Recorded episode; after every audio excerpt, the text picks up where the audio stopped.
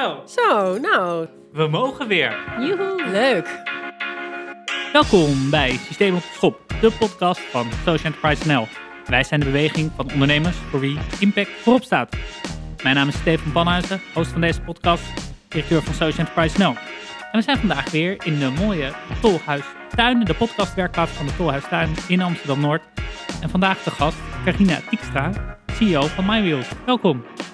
Ja, dankjewel dat ik er mag zijn. En ook Willemijn Verloop is weer het gast. Welkom Willemijn. Ja, goed er te zijn. En leuk dat we Carina hebben, want ik ben natuurlijk een My Wheels rijder. Ga ik er timmer in gooien. Ja, tof. Daar ben ik al heel blij mee. Ga ik ook eigenlijk vanuit dat Stefan dat ook is? Nou, volgens mij heeft Stefan nog een eigen auto. Nee, toch? Ik ben nog zo 1.0. Ik heb nog een, eh, een eigen auto. Er staat er wel één voor de deur bij mij, maar daar komen we zo misschien op. Ja, even een kleine positieve actie waarmee we de luisteraars kunnen inspireren.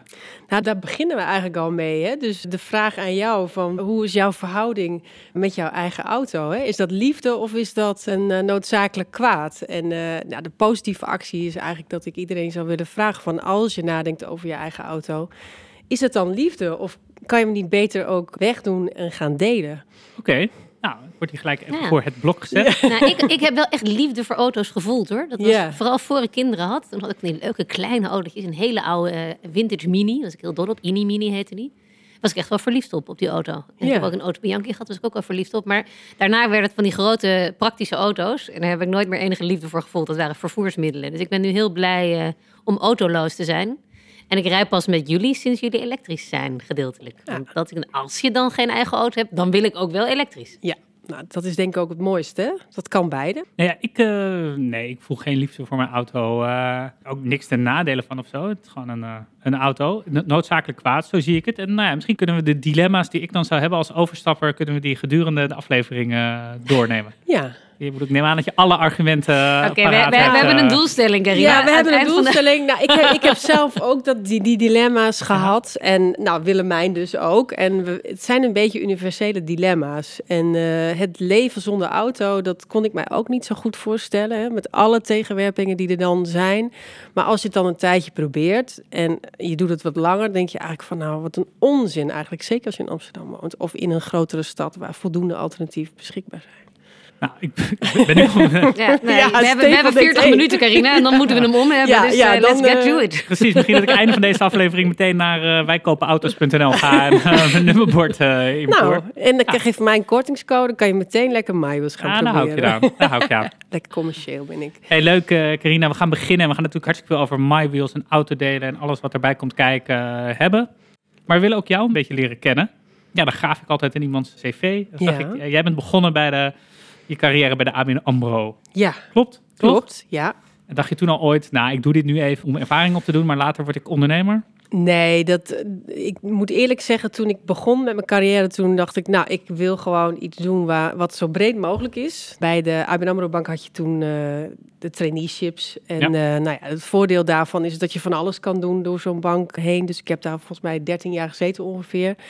En van alles gedaan. Ja, pas het, de hang naar nou, meer ondernemerschap, impact maken, dat is echt veel later gekomen. Dus daar heb ik vooral heel veel geleerd over, nou, ik, vooral ook gezond boerenverstand te, ge- te gebruiken, denk ik. Eh, Hebben ze gezond boerenverstand bij de ABN AMRO Bank? Mm, nou, ze kunnen altijd wel heel goed denken vanuit analyses en hoe je dat dan toepast. Ja, over impactvol ondernemen, dat is natuurlijk een heel ander verhaal bij de ABN AMRO Bank misschien. Maar eh, ik er zitten wel heel veel slimme mensen. Tenminste, toen ik er werkte wel. Nog steeds wel een paar. Ja, nee, vond ik wel. Ik heb daar wel echt ook met plezier gewerkt. En waar kwam de omslag vandaan? Was het een gebeurtenis in je leven? Was het gewoon de, de, de eh, eerste grijze haar? Die zie ik trouwens nog niet bij je, maar... Nou, die zitten wel, maar het scheelt als je blond bent. Nee, ik, dat is ook niet een heel erg specifiek eh, moment. Ik weet wel dat ik toen in die periode bij zo'n grote corporate merkte ik wel van dat, dat bevalt me steeds minder goed. Hè. Er zijn veel reorganisaties. Je staat heel ver eigenlijk af van nou ja, het primaire proces. Waar doe je het eigenlijk voor? Nou, en bij een bank is het meer spaarrekeningen of meer. eh, Dus ik merkte wel van mijn affiniteit met het product. Dat is geen liefde, zeg maar. Dus eh, ik wist wel van ik wil graag iets meer doen wat nut heeft. En ook in een organisatie waar ik zelf meer invloed kan uitoefenen op het resultaat. En ik was daar uitgeleerd, laat ik het zo zeggen. Op persoonlijk vlak kan je er veel leren, maar ik vind op zich de, de dienst zelf. Dat Dus je ging niet weg om impact te maken, je ging weg omdat je uitgeleerd was? Nou, ook omdat ik merkte van de corporate eh, omgeving beviel mij heel slecht op den duur. Hè, het was weer een reorganisatie. Was ook, ik ben eh, inmiddels eh 48. Toen was het ook net fort. Dus het hele, nou, eh, het hele gedoe daar eh, voor mensen die dat nog een beetje helder voor de geest hebben. Dat is, niet, eh, het is heel erg naar binnen gekeerd en niet zozeer naar buiten gekeerd. Maar dan kom je terecht bij MyWheels, wat opgericht is door een van de oude koplopers van de impactbeweging. Ja. Waar je echt, dan zit je echt met- meteen in het hart van de overtuigde Ja. sociaal ondernemers. Henry Menting is echt een, vind ik in ieder geval, een geïnspireerde koploper. Dus nog wel een overstapje van de ABN Ja. AMRO Bank. Nou, en en dat er zaten ook wat stappen tussen. staat er wel een paar eh, stappen Oh, tussen. Ja, Maar met de tussenstapjes, ik heb toen ook een eh, start-up gehad. Toen dacht ik, nou, de gezondheidszorg, impactvol, iets wat meer nut heeft. Nou, dat, dat is heel lastig om een start-up te hebben in de gezondheidszorg. Zeker als je niet primair iets doet. Het was eh, videoconsulten voor eh, artsen en patiënten. Of tussen artsen en patiënten. Maar eigenlijk merkte ik wel van, nou, dat is dus... Dat, het moet ook wel iets zijn wat je ligt. En eigenlijk kwam ik heel toevallig met Henry Menting in contact. Want ik wilde gewoon destijds een camper huren van een particulier. En toen eh, kwam ik bij MyWheels terecht. En pas Kijk, toen dat ik... eh, ja, Dat is een goed verhaal. Ja. dat is een goed verhaal. Maar zo is het ook echt gegaan. En, en misschien even, hè, want Willemijn schetst net eh Ja. Henry Mentik als eh, nou, ja, een soort goeroe van de impactbeweging. Dat, dat klopt, maar er zullen ook mensen die zij die hem niet kennen. Kun je een beetje omschrijven hoe dat dan ging? Wat voor, wat voor persoon is hij? Hoe ging die ontmoeting? Nou, dat is wel een hele bijzondere ontmoeting geweest. Want ik had gereageerd op die vacature. Want ik zag gewoon op hun website toen... Oh, ze zoeken een algemeen directeur. En de omschrijving sprak mij wel aan. Hè. Dus uh, MyWheels is destijds ook begonnen vanuit een ideaal. Iemand die zegt, ik wil dat er niet meer auto's worden geproduceerd. Maar ik wil dat, dat ik het ga delen met mijn buren. Dus heel klein begonnen. En eigenlijk toen ik Henry ontmoette... Ja, dat klinkt heel raar, maar het was gewoon meteen een soort hele goede klik. Dus dat was gevoelsmatig heel sterk. Dat ik dacht, ja, dit is een heel pure man, een heel puur verhaal. Hij is ook weer verder gegaan en hij wil nu de hele aarde uh, zetten op de werelderfgoedlijst. Dus dat is Ja. echt wel vanuit de diepe idealen.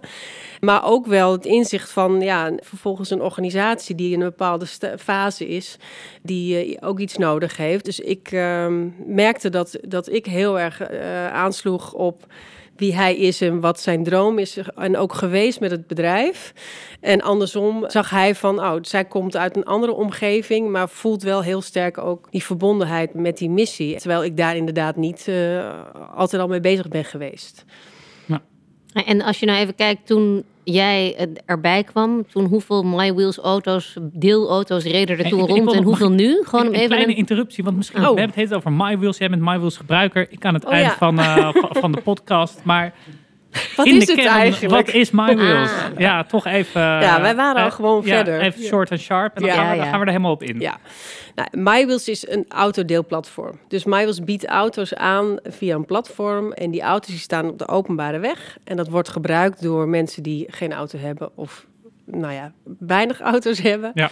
En die worden gedeeld, dus in de, met openbare ruimte. En het hogere impactdoel is, is minder productie van auto's en Ja. efficiënter autogebruik. Dus eigenlijk is het als iedereen zijn auto zou, een auto, dus geen auto zou bezitten, maar zou gaan delen, heb je in plaats van 8 miljoen privéauto's 1 miljoen nodig in Nederland. Kijk. Dus dat is de impact. 7 miljoen En de auto's feit minder. Ja. dat, en de Ja, dat het is nu ze- 9, Ja, 9 oké, miljoen van, ja. ja, ja dus, dus en de 8 Ja. privé, ja, Ja. sorry. En dan is het denk ik de extra impact dat jullie nu de vloot naar elektrisch overbrengen. En daarbij ook nog eens mensen uit de benzine of diesel halen en in een elektrische deelauto. Want zo is het Ja. niet begonnen. Het begon bij Henri gewoon met het delen van je eigen auto met je eigen buurman, toch? Ja. Van god, waarom zou ik niet eh, mijn buurman op hetzelfde straatje en mijn overbuurman met z'n allen die auto laten delen? Dat is, dat is waar het model ooit startte. Ja, klopt. En wat hij toen eigenlijk heeft gedaan, dat is een beetje nou, in kleine vorm wat we nu in grote vorm doen. We hebben nu 2400 auto's. Hè, dus echt, Ja. eh, hij begon toen met één en dacht van, oh, dan ga ik naar de lokale verhuurpartij en dan huur ik er nog eentje bij en dan wordt die community langzaam groter. Dus echt van één naar drie naar tien, zeg maar. Nou, sprongetje gemaakt. Hij is eigenlijk in 1993 begonnen daarmee. Door de loop van de tijd heen zijn er meer auto's bijgekomen en meer gebruikers. Hij begon als privé te delen. Dus toen ik kwam, toen was het zeg maar een gecombineerd model. Dus we, hij- we hadden auto's aangeboden vanuit MyWheels. Ja. Maar ook particulieren die hun auto konden delen. Nou, dat deel van particuliere autodelen, dat, dat hebben we afgelopen nee, twee jaar geleden hebben, zijn we daarmee gestopt. En nu is het eigenlijk alleen die float die we zelf aanbieden. Toen ik kwam waren het er uit mijn hoofd ongeveer 150. Nou, het zijn er nu 2400, waarvan ongeveer ja, iets meer dan de helft is elektrisch. En hoeveel Ja. mensen maken er gebruik van in Nederland? Van MyWills? Ja. Nou, we hebben nu zeg maar eh, bijna 200.000 mensen op het platform, waarbij natuurlijk niet elke gebruiker actief is. Maar dat is wel wat we nu in totaal eh, op het platform hebben. En dat was eh, toen ik kwam in 2016 ongeveer 35.000. Dus dat wil niet zeggen dat ik dat gedaan maar het geeft wel aan hoe snel dat nu ook gaat. En dat zie je ook om je heen. Hè. De, de, dat autodelen, dat is wel echt ook heel erg gegroeid. De beweging gaat hard. Ja, gaat heel hard. En ik las ergens op een, weet niet meer in welke krant, dat ook de COVID ertoe bij zou dragen om meer autodelen. Klopt dat? Herken Ja, je dat? dat en, klopt. en hoe komt dat? Ehm, wij hebben dat toen gevraagd, want wij dachten bij de eerste lockdown: jee, wat gaat er gebeuren? En eh, dit is ook onze business gaat nu instorten. Maar juist mensen gingen eh, het OV mijden. Eh, dus er zijn. Aha, dat is hem natuurlijk. Ja. Ja. ze wilden niet meer met elkaar eh, in die trein of in die bus. En toen zijn ze die, die auto, die deelauto gaan ontdekken. Want je gaat dan niet meteen de sprong maken van... oh, dan koop ik wel een auto. Zeker niet als je in de stad woont, want die kan je niet kwijt en dat kost Ja. eh, geld. Dus wij zien juist een hele grote push. Wij hadden toen ook, en nog steeds wel, met name privé-gebruikers. Hè, dus het zakelijk gebruik, eh, daar zetten we nu pas meer op in. Maar destijds kregen we het gewoon veel drukker. Dat was voor ons ook wel een aangename verrassing. Maar goed, we willen natuurlijk wel graag dat mensen niet alleen deelauto's gaan gebruiken, maar ook weer dat OV natuurlijk gebruiken. Want dat zijn wel versterkende factoren. Hey, nog even over die, die groei van de auto's in van jullie eigen Ja. vloot hè, naar uh, nou, 2.500 als ik het goed begreep. Dat, Ja. dat klinkt ergens paradoxaal, want willen minder auto's op de weg of we willen minder auto's in het land. Wat gaan we doen? Meer auto's. Maar dan heb je net niet goed opgelet. Dat zou zomaar kunnen. maar, eh, Nee, want juist als er dus deelauto's zijn, dan doe jij je auto weg, want dan heb je beschikbaarheid over een auto. Dus het is al heel, ja, dat, dat is ook hoe het werkt. Hoe meer deelauto's, hoe minder mensen zelf privé een auto bezitten. Dus dat is gelukkig al ook uitgebreid onderzocht. ja, Maar kijken één- jullie daar ook naar, naar jullie gebruikers? Ja. Ben je een voormalig Ja, ik ben autobezitter? NS1, hè? Mijn auto Ja. is eruit. Ja. Dus, eh, Nee, dus het, gelukkig doet ook de overheid er wel onderzoek naar. Hè? Dus Ja. die hebben gewoon aangetoond van één deelauto, in ieder geval in het concept zoals wij die aanbieden, die, die reserveerbaar is en bij jou in de wijk staat, bespaart gemiddeld 11 auto's eh, in privébezit. Dus dan is het gedeeld door 11 eigenlijk. Helder. en hoe werkt dat bij zakelijk gebruik? En ik hoor je net zeggen dat jullie ook nu het aan bedrijven gaan aanbieden. Dan gaan jullie auto's van de zaak gaan jullie aanbieden. Wat moet ik me daarbij voorstellen? Nee, wat we nu eigenlijk zien is dat we hebben die eh 2400 auto's, waarvan dus de helft eh, ongeveer elektrisch. En die werkgever die is nu ook gaan nadenken, ook door COVID, van ja, die dure leaseauto's, dat wil ik eigenlijk niet meer. En ik moet ook nog eigenlijk eh, elektrisch gaan rijden, want die CO2-footprint die wordt ook eh, steeds ook meer verlegd naar de werkgever als verantwoordelijkheid. Dus eigenlijk gewoon de bedrijven die in de steden zitten waar wij nu zitten, kunnen gewoon een zakelijk abonnement nemen. Dus die kunnen eigenlijk die leaseauto's, kunnen ze de deur uitdoen. Ze kunnen gewoon een abonnementje nemen. En dan zeg je voortaan tegen Stefan, ja, je mag eigenlijk niet meer declareren als die voor, eh, voor jullie... ja, eh, doe ik mijn leaseauto eindelijk. nee, maar jij, Niet bestaande leaseauto. Nee, nee, nee, maar jij Ja. declareert Ja. nu je kilometertjes misschien wel als je zakelijk Absoluut. reist. Nou, ja, een heel eh, Ja. oud Excel-formulier. Ja, dus dat hoef je helemaal niet meer te doen. Dan, dan ga je gewoon rijden op het account van Social Enterprise. Die heeft dan een bedrijfsaccount. En dan zeg je, nou, oké, eh, Stefan, maar je mag eigenlijk alleen elektrische auto's gaan reserveren. Nou, hup. Hey, Ja, en Carina, Nou, goed idee. Ja, ja, heel goed ook. idee. Ja. Voor Social Enterprise NL. Top. En voor Rubio? Ja. Nee, allemaal geen leaseauto's hoor, maar fiets. Nee, ja. Ja, fietsen En- is sowieso het best. Maar we- het is natuurlijk een enorme groei en door COVID versterkt. Maar eigenlijk hoorde je een tijd geleden veel meer over de deeleconomie, share economy, share NL. En dat vind ik wel interessant om jouw mening te horen over wat daar nou is gebeurd. Want die share economy kwam natuurlijk breed op vanuit een sociale gedachte. Maar daar kwamen ook een heleboel wat minder sociale spelers omhoog. De Ja. Ubers, de, die, Ja. waar de uitbuiting van... eh, Airbnb. Airbnb. Dus daar, daar, die beweging horen we minder over. Misschien wel omdat er ook zoveel spelers zijn die het eigenlijk voor hele andere, door, door, voor aandeelhouderswaarde, doeleinden, die share economy hebben laten groeien. Hoe zie jij dat? Want jij bent al zes jaar onderdeel van die beweging. Ja, ik denk dat de hype wel een beetje voorbij eh, is. In die zin dat dat heeft misschien ook een beetje met die tijd te maken dat inderdaad Airbnb, hè, dus juist ook het bezit van anderen, dat dat je model is. Dat is natuurlijk heel interessant. Ik denk dat in die zin, als je het helemaal plat slaat, is autodelen misschien niet zoals wij hem uitvoeren, niet helemaal de sharing economy zoals dat Airbnb zet. Dus eigenlijk datgene wat we Peer-to-peer zeggen. er een beetje uit is. Ja, het peer-to-peer is daaruit. Je ziet natuurlijk wel heel veel nog steeds geluid rondom de, de deelscooters. En, en eh, daar zie je nu wat, wat meer over. Maar ik denk dat de hype een beetje voorbij is. Maar dat het wel, ik zie het zeker bij autodelen, dat bij ons nu pas de grote groei begint. Als het gaat over de omarming van het concept. Het is meer gemeengoed geworden bij gebruikers. Dus het is ook niet zo hip meer misschien om bijvoorbeeld gebruik te maken van Airbnb, omdat iedereen het al, al wel doet. En in, dit, in die zin zie je bij autodelen die aandacht wel nog steeds aanwezig, alleen niet meer zo breed uitgemeten in allerlei gremia, zoals bij de overheid is het ook minder. Hè, Dat was toen destijds ook en Ja, misschien veel omdat aandacht, wij. Ja, Amsterdam, deeleconomie. Ja. Ja. Ja. ja. Nee, het, was, het werd ontzettend veel over geschreven Ja. en, en als een hele grote beweging neergezet. En ik ben gewoon benieuwd hoe die, waar die beweging nu staat. Zijn jullie nog met elkaar verbonden, de deelplatforms? Hebben jullie een vereniging waar jullie met elkaar spreken over hoe het nou die deeleconomie zich verder aan het ontwikkelen is? Of is dat niet meer bestaand? Want dat was er wel. Ja, dat was er wel. Dat werd natuurlijk ook wel, eh, wel gefaciliteerd. Hè? Maar waar wij vooral nu de samenwerking hebben, is met de andere deelautopartijen. Dus op. En dat zit meer op het gebied van de Green Deal en impact maken. Dus niet zozeer op die sharing kant, maar wel op het impact kant deel. Daar zijn we wel met elkaar verbonden. En dan heb ik het over andere aanbieders, maar ook samen met de overheid. Dus ook het ministerie zit daarbij. En dat gaat al meer over hoe zorg je ervoor dat je duurzame vervoer hebt. En ook een duurzame eh, manier van mobiliteit. Ik merk dat ik daar in ieder geval Ja. veel meer mee geconfronteerd word en mee te maken heb. Dat dat wel redelijk hot is. En misschien ook wel goed om die een beetje, want voordat we hier alleen maar reclame maken voor MyWheels. Dat is helemaal niet de bedoel, We hebben bedoeling. natuurlijk Snapcar, wat ook ooit een, een, een voorloper was. Ja. En die nog wel eigen auto's ook heeft. Ik heb toevallig laatst Ja. een busje gehuurd via Snapcar, omdat Ja. ik iets groots moest verhuizen. Ja, En met kon ik eigen auto's bedoel je dat je je eigen Iemand zijn bus. Ja. En je hebt natuurlijk, eh, nou, eh, Share. Nou, heet die tegenwoordig? Share Now, je hebt Sixt, je hebt Greenwheels. Ja, Greenwheels ehm, natuurlijk. Ja, Ja. ja. dus je hebt daar meerdere partijen in met verschillende concepten. Dus die zijn allemaal eh, actief en die zijn ook grotendeels met elkaar verbonden, juist ook in die Green Deal. Dus we hebben ook contact met elkaar daarover. Ja. Hey, en eh, je noemt een paar keer de, eh, de overheid. Ik kan me voorstellen dat, dat die heel belangrijk is om, voor voor die grotere ambitie om het autodelen te faciliteren. Als het maar hier in Amsterdam hebben jullie volgens mij dedicated parkeerplaatsen. Ja, dan, dan lijkt me dat je een overheid als partner nodig hebt, Ja. zoals wij dat vaak zeggen. Hoe, eh, hoe gaat dat? Ja, kijk, de gemeentes eh, zijn, zijn Ja. onze belangrijkste stakeholder eigenlijk. Hè. Die zijn de, de eigenaar van de openbare ruimte. Daar maken we gebruik van. Dus gemeenten zoals Rotterdam, Amsterdam, Utrecht, Den Haag... daar staat het ook heel hoog op de agenda. Want die hebben allemaal te maken met een tekort aan ruimte. En die willen liever ook zoveel mogelijk deelauto's... en zo weinig mogelijk privéauto's. Maar dat is wel een afhankelijkheid die je zeker... eh, we, zijn ook, we proberen gewoon zo goed mogelijk samen te werken. Heeft ook echt Want wat zou, wat, wat, wat zou een gemeente moeten doen dat je zegt, nou, als ze dit nou nog zouden doen, dan zou die deelautobeweging eh, nog sneller groeien?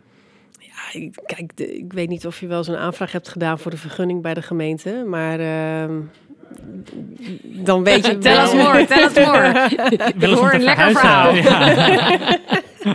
Nee, kijk, wij Hebben hebben de straat afgezet om te verhuizen. Ja. Nou ja, dat, hè, dus dan weet je al dat bij ons. Wij hebben bijvoorbeeld in Amsterdam dit jaar, eh, begin van 2021, hadden we 250 auto's en nu hebben we er 800. Dus dan kun je nagaan als je die, al die vergunningen één voor één moet uitprinten, bijvoorbeeld, en moet opsturen. En dan gaat zes weken overheen. Dus die procedures die zijn er vaak niet op ingericht. Dus je moet echt eh, met ze bezig van hoe kan je ook meer batchgewijs en dat. Dat waren wij natuurlijk ook niet gewend. Hè? We zijn ook ineens, hebben wij eh, op die manier die versnelling eh, ge- genomen. De ja, afgelopen precies. Dan twee moet zij jaar. aanhaken. Ja, dus het is ook een beetje eh, geven en nemen. Wat ik mezelf wel voor kan stellen, wat mij zeg maar, over de drempels zou trekken, want het gaat nu over, over minder auto's, maar ik denk in de grote steden is ook parkeerplekken. Er zijn, ik bedoel, hè, als, als je daar iets leukers mee kan, om het zo maar te zeggen, dan ziet de stad er leuker en groener uit. Ik zou wel voorstander zijn van, oké, ik lever mijn auto in, hè, ik verkoop mijn auto, doe afstand van mijn parkeervergunning, maar dan wil ik wel dat het parkeerplekje van mij eh, of een deelplek wordt, of eh, een eh, soort boomparkje wordt. Of zo. Ja. Is dat eh, een kansrijk idee? Nou, dat is wel leuk. eh, Heb dan- jij nu een eigen parkeerplekje dan, Stefan? Ja, ik woon in een, eh, in een eh, deel van de stad waar je bijna altijd voor de deur eh, kan parkeren. Ah, dat is best Ja. wel uniek, hè? Ja, ik ga niet vertellen waar, want anders komt iedereen daar parkeren. Het is een Amsterdams verhaal dit trouwens, Ja, ja, ja. maar dat terzijde. ja. Knippen we eruit. Ja, nee. Nee, maar er zijn, zeker zijn steden daarmee bezig. Hè? Den Haag heeft zoiets ook echt wel Ja. gedaan als met bewonersinitiatieven. Dat, dat gebeurt ook wel in kleine schaal in, eh, in Amsterdam. En die zijn ook wel echt bezig om die parkeernormen aan te pakken. Ook zeker als je hier nieuwbouw hebt in de stad, maar ook in andere steden, worden gewoon de vergunningen er niet meer bij gegeven. En dat is wel een beetje dat de nieuwkomer dan daarmee wordt geconfronteerd. Maar zo worden die vergunningenplafonds eh, ook wel wat omlaag gebracht om dat eh, meer te stimuleren ook. Dus er zijn echt wel ideeën over, maar het heeft ook heel veel te maken met het politieke klim- klimaat. Hè. De gemeenteraadsverkiezingen komen Ja, er weer aan. ja. Nou, eh, Zijn jullie daarmee bezig? Of met, met, met als branche? Of was met... Ja. Ja, zeker wel. Kijk, we hebben natuurlijk bepaalde eh, politieke partijen die van nature dicht bij ons liggen. Hè. In dit geval GroenLinks Ja. of, of Partij voor de Dieren, eh, maar ook D66. Dus we proberen wel ook daar. Voor het eerst staat het nu ook in het akkoord hè, dus, eh, van het kabinet nu. Oké, het coalitieakkoord. Ja. Het staat iets over mobiliteit, hubs en, en delen. Dus dat begint al ergens naartoe te bewegen. Dus die politiek is wel heel belangrijk. En ook die, ja, eerlijk gezegd, hoe meer VVD in een raad zit, hoe minder snel het gaat. Hey, dat is wel een mooie slogan. Oh, een tegeltje. Eh, maar we hebben ik ook. ken wel eh, wat eh, VVD'ers die jawel. volgens mij hartstikke graag een auto willen delen. dat, Maar is, dat is ook zo. Ik, dus het is wel een beetje, het is ja. een beetje. Nou ja, over- goed, de heilige koe staat Ja, inderdaad bij, klopt, bij de ja. VVD het meest hoogst op de Ja. agenda. Maar die, Ja. die maken natuurlijk ook wel ontwikkeling door. Dus eh, ik hoop niet dat ik nu iedereen heel boos heb gemaakt. Maar Hey, denk en, en, tegen en, jouw persoonlijke ontwikkeling, Carina, want je bent nu ondernemer, eigenlijk scale-up ondernemer. En wat ik wel interessant vind om iets over te leren is, we hebben hier eh, een aantal van die founder-ondernemers aan tafel gehad. En bijvoorbeeld een heel mooi gesprek met Eva Gouwens van Fairphone, van hoe is het nou om van zo'n bevlogen oprichter over te nemen en puur de scale-up te doen. En ik vergelijk hier in jou met Eva even. Jullie hebben allebei een, redelijk bevlogen founder opgevolgd en met een andere koers het bedrijf in een nieuw vaarwater. Wat heb je daarvoor nodig? Hoe, hoe maak je dat tot een succes? Nou, daar heb ik ook wel even over nagedacht. Het is. Kijk, als je dan kijkt, toen ik kwam, inderdaad, was er ook de structuur bijvoorbeeld anders van het bedrijf. Hè? Dus er was een stichting, bijvoorbeeld een aandeelhouder. Dus je moet heel goed kijken naar hoe hou ik vast. Dus de impactgedachte. Dus we hebben ook heel bewust in de statuten ook jullie eh, social enterprise eh, eh, weergave opgenomen van. Keurig. Ja, graag gedaan. Nee, maar dat geeft heel veel handvat. Dat je zegt van ja, waarom ben ik op de aarde? Maar goed, als je vervolgens dan wil groeien, dan is natuurlijk ook de angst dat je de kern kwijt gaat raken. En dat heeft heel veel te maken met die impact, maar ook de manier waarop je het doet. Hè. Dus wij werken bijvoorbeeld met lokale mensen die de ogen en oren zijn van de auto's. Dus ja, dat moet allemaal mee in een bepaalde ontwikkeling. Je hebt dus aan de ene kant groei nodig om meer impact te maken, maar dan heb je ook weer, in ons geval, hebben we daar een investeerder voor moeten aantrekken. En dat vind ik dan wel heel erg de spanning die ik dan. Daar hebben we gelukkig Henry ook heel erg bij betrokken, hè, de oprichter. Van ja, als we dus willen groeien, dan moeten we dus daar ook wel een aantal stappen in nemen. Dat, dat is denk ik heel erg wat ik gebracht heb. Om te zeggen, oké, nou ja, die impact is al allerbelangrijkste. Daar heb je een aantal dingen voor nodig. En dan ja, zo dicht mogelijk blijven bij de kern van wie ben je dan en op welke manier doe je dat. Maar dat gaat dan ja, in, in hoe je het financiert bijvoorbeeld, of hoe je je structuur inricht en wat voor mensen je aantrekt. Wat zegt de keuze waarvan je zegt, nou die hebben we gemaakt, dat is wel mijn keuze geweest of zo? eh, Nou, met wat voor investeerder wij in zee zijn gegaan. Dus we hebben daar wel verschillende gesprekken voor eh, gevoerd. Eh, of ik eigenlijk. Want het was echt wel. Nou, je hebt het gezien op de Keizersgracht. eh, we zaten met z'n zessen. En vervolgens, ja, als je dus meer impact wil maken, moet je groeien. Moet je, heb je in dit geval bij ons meer aanbod nodig. En dat is natuurlijk een, eh, een hele intensieve, kapitaalintensieve business. Met wie Ja. zijn jullie in zee gegaan? Of is dat... eh, Ja, nee, wij hebben het, he- het is net mooi gerebrand. Dat is de Sharing Group. Dat is zeg maar een ondernemende investeerder. Die heeft destijds zijn onderneming en zijn geld verdiend met eh, Mijn Domein eh, Online. En daar is dan zeg maar de Sharing Group eh, uit voortgekomen. En die hebben zowel in mobiliteit geïnvesteerd als in energie. Maar die omarmt heel erg die, die sharing-gedachte eigenlijk. En Mooi. dat, dat is... eh, ja, dus dat vond ik het allerspannendst. Hè? Van als je dus kapitaal, of eh, ja, je zoekt een investeerder, moet in ons geval het een strategische investeerder zijn, die er dus voor de langere termijn in zit en ook voor de impact erin zit. En ja, dat is eh, denk ik het belangrijkste geweest waardoor wij nu zo goed kunnen groeien. groeien. en de organisatie die je, neem ik aan, ja, ook in Ja, een heel jullie- ander jullie vaarwater hebt gebracht. Ja, met ja, een veel niet meer met z'n ander team. Nee, nee, we zijn nu eh, inderdaad met z'n... We hebben vorig jaar echt een hele grote sprong gemaakt. Hè, zowel in aantal auto's en aantal mensen. Dus we hebben nu 35 mensen. Dus dat is eigenlijk in twee jaar van nou ja, 6 naar 35. En we hebben nu ook een behoorlijk wat vacatures omdat we ja, zien van je moet ook echt als een scale-up opereren. Dus je moet veel meer kijken naar waar zitten ook de, de groeiindicatoren, hoe kan je die versnellen. Want eigenlijk is het zo dat dus de, het autodelen zit enorm in de lift. Er zitten ook heel veel partijen in die er niet voor de impact zitten, maar meer voor de business eigenlijk. Hè? Ja. Dus een beetje wat we net noemden van Airbnb, denk je, moi.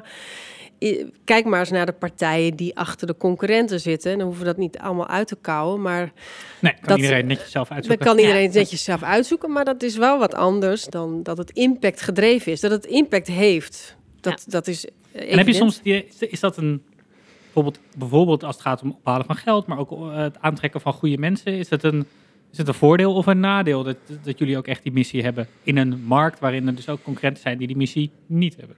Ik denk zelf een voordeel, want ik denk dat er nu steeds meer mm, eh, ook partijen zijn en investeerders zijn die ook graag iets willen nalaten. Hè? Dus op eh, iets positiefs voor de planeet Ja. of voor de wereld. Dus ik heb ook het idee dat impact eh, gedreven investeerders ook steeds actiever zijn.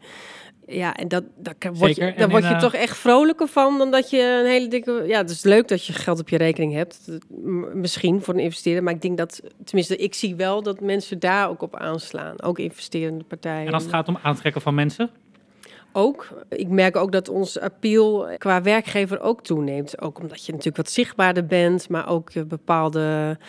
Ja, ik hoor best wel vaak nu met kandidaten die bij ons solliciteren van ja, ik ben nu 40 en nu wil ik ook iets voor mijn kinderen nalaten. Klinkt allemaal heel. blah. 40 dilemma. maar Maar het dat is, herken je wel een beetje, of niet? ja, dat herken ik. Ja. ik zie mezelf. Naar eerder in dit gesprek. Nee, dat heb je helemaal gelijk. En ik denk ook dat het een heel natuurlijk iets is. Ja. Hey, en hebben jullie ook een manier om jullie impact te meten? Dus worden jouw medewerkers of je investeerders, krijgen die ook een rapportage? Niet alleen hoeveel auto's er nu, eh, deelauto's er zijn, maar bijvoorbeeld ook hoeveel je daarmee autootje van de weg hebt gehaald. Of hoeveel CO2 je, eh, winst je hebt door je elektrische auto's. Hebben jullie daar mechanismen voor om dat inzichtelijk te krijgen? Nou, we, wij, wij rekenen het wel om. Hè. Bijvoorbeeld in eh, inderdaad het aantal auto's dat we dan besparen. Hè. Dan doen we het eigenlijk het is heel makkelijk, keer 11. Nou ja. Die rekensom kunnen wij ook. maar ook wel naar CO2. Hè. Bijvoorbeeld ons, op onze auto staat deze deelauto compenseert eh, gelijk aan eh, 425 eh, bomen aan eh, CO2-uitstoot per jaar. Dus zo drukken we het wel uit. En ook inderdaad in voetbalvelden of zoveel keer het museumplein. Maar heel gestructureerd hebben we dat nog niet. Hè? Maar het is wel onderdeel van onze rapportages, ja. Ja, ik kan me ook voorstellen dat het ging al een paar keer, Willemijn benoemd, eh, de, de elektrische auto. Hebben jullie ook zoiets van, nou, in 2000 zoveel moet de gele vloot elektrisch zijn? Ja, sowieso moeten we dat van een aantal steden. Hè. Dus Amsterdam zegt eh 2025 moet alles elektrisch.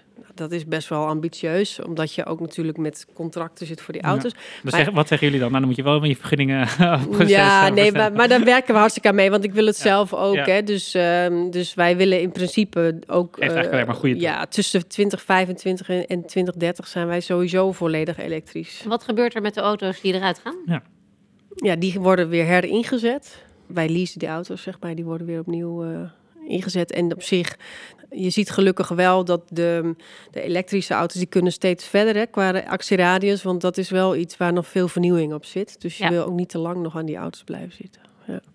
Ja, en hier dus ook misschien een beetje een soort van, eh, het gaat vaak in de energietransitie ook wel over een soort weglek effect. Want oké, dan gaat die diesel, ja, die wordt dan eh, in Oost-Europa nu ergens geleased. Ja. Of, Nee, klopt. Maar goed, gelukkig hebben we geen diesels. Kijk. dus we hebben relatief nieuwe auto's. Ja.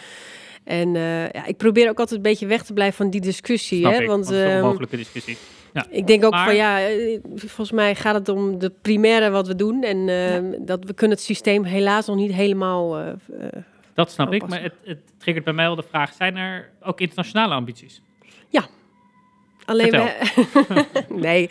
En dat is ook wel leuk van, eh, van eh, zeg maar eh, de investeerder die wij hebben. Die wil ook graag die impact ook uitbreiden naar, naar in ieder geval naar Europa. Welke markt? Wat, wat staat op jullie wishlist?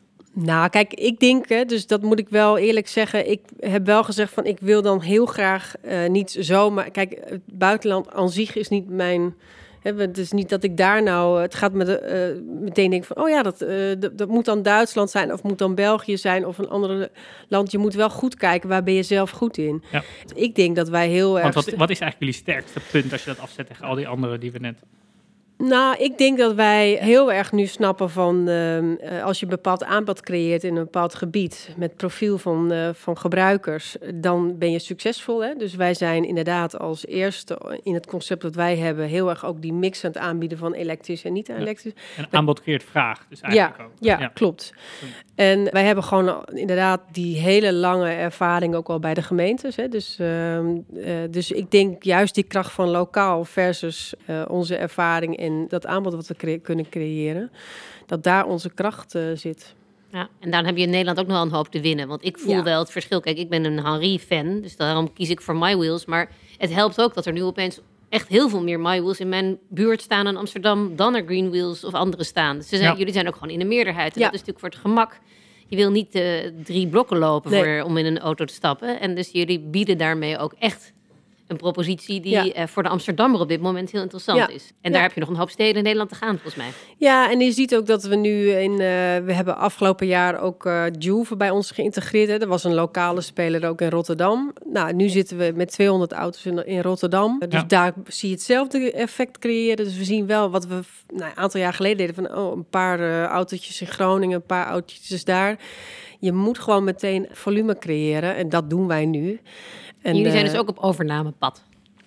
Ja, wel een beetje. Hè. Dus, eh, Enige voorzichtigheid wordt hier... eh, Wacht nog een paar weken en dan heb ik heel leuk nieuws. Nee, dus we, ja, dus we. Hij de- komt over een paar weken online, dus ik had nu al... nee, ik nee, dus we kijken, ja, kijk bijvoorbeeld eh, een hele kleine speler was buurauto. Ik weet niet of Ja. jullie die kennen. ja? Die is ook bij ons eh, geïntegreerd. Kijk, heel vaak is het zo van, oh, hoe moeilijk kan het zijn? Een paar auto's plaatsen en dan eh app je erbij. En, maar dat is gewoon Nee. echt, je, je moet een hele goede support hebben. Je moet een fantastische app hebben. Dus ik zeg altijd, eigenlijk hebben wij een, een we zijn een IT-bedrijf, hè, een online platform. En het product is auto's. Maar je moet voor zowel online moet je het spel heel goed snappen. En eh moet een, eh, fantastische app zijn. Een hele goede klantenservice. Dat doen we ook grotendeels in huis. Hè. Ook weer vergeleken met andere partijen. Wij nemen zelf de telefoon op. Wij behandelen zelf de mail. Maar goed, dat betekent ook dat je ook weer eens bijna een soort callcenter moet inrichten. Ja. Dus wij moeten, eh, dit jaar is echt nog het jaar van de professionalisering. En inderdaad wel de verkenning van wat zijn nou andere nou, markten waar wij eh, onze kracht ook kunnen inzetten. Maar je moet niet vergeten die lokale afhankelijkheid hè, van lokale gemeentes. Dus je kan het bijna niet alleen. Dus je zult echt ook in het buitenland, als je dat wil doen, moeten kijken naar eh, waar kan ik mee samenwerken. En is er eventueel al een partij met eh, voeten op de Ja. grond, zeg maar. Ja, dus dat is een, een belangrijke manier van groeien. Ja, ja. Hey, en even heel terug naar het kleine. Ik las ergens dat jij ook zelf gewoon nog beheerder van een My Wheels deelauto bent. Twee In auto's zelfs. Twee zelfs. Ja, Kulijnstraat. Ja.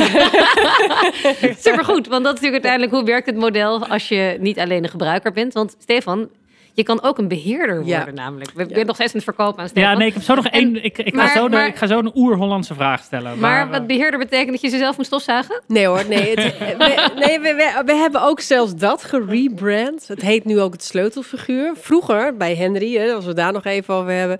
eh, toen was het inderdaad degene die de auto schoon hield. En er lag ook de sleutel, eh, de reservesleutel in, het, eh, in, de, in de keukenla. Inmiddels is dat allemaal weg. Maar dat zijn wel ja, onze ogen en oren. Dus als er iets aan de hand is met de auto... of iemand heeft een vraag die echt specifiek over die auto gaat... nou, dan kunnen ze mij een berichtje sturen via de app. Of MyWheels kan bellen en zeggen van... joh, wil je heel even kijken bij de auto... want we hebben een melding gekregen. Of, nou, dus het, het beheer is er af. Hè? Dus echt het stofzuigen. En eh, dat was vroeger zo. Nu zijn het sleutelfiguren en het zijn ook echt onze ambassadeurs. Dus eh, ik ben zelf inderdaad het sleutelfiguur van twee auto's. Kijk. Krijg ik ook een kleine vergoeding voor. Dus het is ook niet zo... Nou, dat, kijk, dat, dat telt nog op. Ja, dat relateert misschien wel aan mijn, eh, eh, aan mijn laatste vraag. vraag. Aan Want ja, mijn oer-Hollandse vraag. Want ja, inderdaad, laatst met de... Het is op zich ook een onderwerp, ook met vrienden. Hè, auto, auto wegdoen en auto delen. Even kijken, oh ja, wat kost dat dan? En dan op het eerste gezicht, zeg maar, lijkt dat duur. Omdat je natuurlijk de kosten, eh, alle kosten van de auto in je face krijgt. En het, het, eh, ja, de kosten van auto in bezit, belasting en verzekering, dat heb je ooit een keer ingevuld. Maar Ja, vanaf hoeveel eh, kilometer gaat het ongeveer renderen om een Nou, auto te het, huren? het algemene uitgangspunt is over het algemeen 10.000 kilometer. Als je daaronder zit, dan is het vaak al voordeliger. En ik inderdaad, daar zou ik dan jou toch wel weer de vraag willen stellen. Tel het maar eens bij elkaar op. Hè? Als, ik, Ja. als ik mensen wel vraag, nou, wat kost je auto? Zeggen ze, nou, 150 euro in de maand. Ik zeg, oh, oké, nou, dan wil ik jou wel eens jouw auto zien. Hè? Is het dan... Maar dat die, mensen die hebben dus, eh, ja, gemiddeld kost een auto je gewoon 400, 500 euro in de maand. Met afschrijving en alles eh, daarbij. Dus ehm, Winterbanden, all-season banden. ja. Nee, dus Nee, dus ja. hoeveel je rijdt. Dus voor iedereen natuurlijk een eigen afweging. Ja, maar het is, het is over het algemeen. Kijk, kosten is, is, eh, is een belangrijk aspect. Maar eh, ik, ik denk als je, als je vijf tot tien ritjes per maand maakt, dan eh, ben je al heel snel goedkoper uit. Als je ook En klopt het dat je ook goedkoper uit bent met elektrische auto's? Want vroeger werd de benzineprijs er nog bij opgeteld. En nu, eh, als je hem, eh, klopt het dat je dan minder kwijt bent? Of Ja, de kilometerprijs, dat klopt. De kilometerprijs van elektrisch, eh, die houden wij, eh, eh, eh, is lager dan de benzine. Ja. Ja. En we moeten zeggen dat we ook niet helemaal meegaan steeds met, eh, met de verstijging van de Nee, benzineprijs. helemaal gek. Ja, nou ja, ik zou het liever wel Ja. doen. maar we houden het, eh, ja, we proberen, geen- eh, zo, ja, de, ook daarin proberen we de prijzen. We zijn niet voor winstmaximalisatie, hè, want dat kan je ook doen, dat je alles meteen doorrekent. Maar goed, we moeten natuurlijk wel een gezond model hebben, anders Ja. kunnen we onszelf niet blijven betalen. En nog even, hè, dus voor, de- voor de luisteraars, de kosten bestaan uit betaalt een bedrag per uur. Ja. Volgens mij. 3,50 volgens mij. Afhankelijk Die van mij het- kost 3,50. Ja, nou dan ja, Dat is een Renault Ja. Zoe. ja, klopt. Ja, we hebben ook nog een kleine model, dus 3 euro per uur. Ah. Eh, dus dat kan ook. En we hebben ook nu, daar ben ik nu mee, de mooie Kona. Heb je daar wel eens in gereden? Die is ietsje duurder per uur, maar dat is wel een mooi bakje. ja. Nee, die staat niet in mijn wijk. Oh, nou, dus ga, ik ga even, ik ga straks eventjes, straks even het systeem kijken waar je ook alweer woont. Dan eh, zet, zet ik, daar wel een Kona neer. Dat lijkt me, dat is sowieso een win- winactie. Ja, ik, ik zit te denken, is er nog iets wat mij over de streep kan trekken? Nou, je had het over een mooie korting. Nou, misschien moeten we dat maar eh, na de uitzending mij, regelen. Dat ga ik zeker doen. Ik ga ook zorgen dat de Social Enterprise zakelijk contact krijgt. Volgens mij hebben wij nog nooit in een podcast hier zo vette reclames gemaakt als Ja, maar maar dat ja. terzijde. Het is wel... eh, nee, nou, dat, goed. Maar nee, het is, het is gewoon een mooie beweging. En Ja. het is een beweging die... En ik denk ook, eh, Stefan, jij hebt een zoon. Ehm, Ja. Ik merk dat het voor mijn kinderen nu ook heel gewoon wordt dat we in de deelauto stappen. En eh, dus ik denk ook dat het een soort, daarmee ook een soort spillover effect gaat hebben. Mijn oudste wordt nu 18. Die wil zijn rijbewijs wel graag halen, maar die wil wel gewoon zo'n deelautootje wegchasen. Die heeft nog helemaal niet de ambitie om zijn eigen auto te hebben. Nee. Dus ik vind het ook mooi dat je hiermee je volgende generaties opvoedt. In het hoeft niet meer, die, Ja. die, die heilige koe voor je Ja. deur. En, eh, en als je nou heel graag een, een oldtimer wil rijden, dan kan je die via een ander platform ook nog wel weer eh, delen. Ja, dat, dat is in. Ik denk ook dat wat dat betreft zitten we nu ook gewoon aan het begin van een beweging. Hè? En in die zin, daarom zitten we ook, werken we ook eh, als platform met elkaar samen. Als je gewoon gaat delen en je, bent, je hebt hem niet meer in bezit, dan zijn we al heel eind. En dan is er nog genoeg ruimte voor ons, voor ons allemaal in deze markt. Dus dat is ook wel, wel een fijne gedachte. Cool. Ik zie geen mooiere manier om dit gesprek uh, Je had toch nog een strikvraag, af, of, af te eh? sluiten. Nee, nee, nee. Nee, de strikvraag Nee, de was of wat, wat, het eh, voordeliger was dan je eigen auto. Oh, af het oh, ja. Dat was Ja. de- Oh, ja, oké. Ja. Oké. Ja, nee, eh, nee, ja, voordat we hem helemaal afsluiten. Ja, altijd met... eh, nou, we hebben veel reclame gemaakt voor... eh, Dat was niet de bedoeling, voor, voor. MyWheels. Eh, maar even de vraag, ja, welke andere nou ja, social enterprise of initiatief of mooie beweging of persoon, mensen interpreteren deze vraag heel vrij, wil je even in het zonnetje zetten? Nou, ik heb daar inderdaad over nagedacht. En ik hou zelf wel heel erg van het lokale. Hè. Dus eh, achter mij in de eerste Jacob van Kampstraat zit de aanzet. Ik weet niet of jullie die kennen. Ja, dat is dat is een, een eh, supermarkt. biologische Ja. supermarkt. En dat de is straat een. die je eh, noemt is in Amsterdam, voor de mensen die ja, dat niet gelijk sorry. Ja, door. ja, ja. Nee, en ze hebben net geïntroduceerd ook fair pricing. Ja. Dus zij laten heel erg eh, zien wat voor verborgen kosten er zijn en dat dus wat eerlijke prijzen zijn. Dus heel vaak Ja. is ook het idee bij biologische eten van wat is dat duur, maar zij geven eigenlijk heel mooi de draai naar. Dat zijn gewoon eerlijke prijzen. En eh, wat ik mooi vind is dat zij zijn een zelfstandig, eh zelfstandig eh, Ja, een soort independent supermarkt. Ja, Ja. fantastisch. Dus ik word daar heel vrolijk van. Dus eh, nou ja, dat, dat wilde ik dan graag nog mensen. Of- Helder. Supermarkt, eh, de aanzet. En hopen dat ze een voorbeeldrol zijn voor een heleboel andere supermarkten om hetzelfde te gaan doen. ja, ja, Ja. absoluut. Eerste supermarkt ter wereld, volgens mij, die het Die true doet. pricing concept eh, volledig Ja. heeft. eh, Ja. Toch weer Benut. Amsterdam, hè jongens? Nou, maar Ja. nee, ik en ik- Nederlands. en, Kunnen we eh, het Nederlandse nieuws delen, Stefan? In de Ja, dat we in de, top de 10. top 10 social enterprise hotspots van de Pioneers Post. eh, van de wereld Ja. zitten. Echt hè? waar? We zitten echt tussen Indonesië en eh, eh, Brazilië in of zo. Het is een, eh, maar ik vind het wel bijzonder. En niet alleen op ondernemerschap, maar ook op impact investeren. Dus we zijn gewoon een top, top 10 speler Ja. in de wereld. Volgens de Pioneers Post. Ik vind dat super cool. Ik En ook. Ik, ik sluit hem ook nog even af met een soort van, hè, dus de True Price supermarkt. Maar er komt nu ook een True Price café. Het eerste True Price café ter wereld. Helemaal, dus niet als een soort pop-up, in Breukelen. Ah, nou. Toch nog uit Amsterdam. Precies. dus eh, ga, gaat er alle heen, gaat naar het mooie Breukelen. Hey, dankjewel eh Carina, dankjewel Willemijn, dankjewel Lieve. Welkom. Dit was hem weer, eh, op naar de volgende.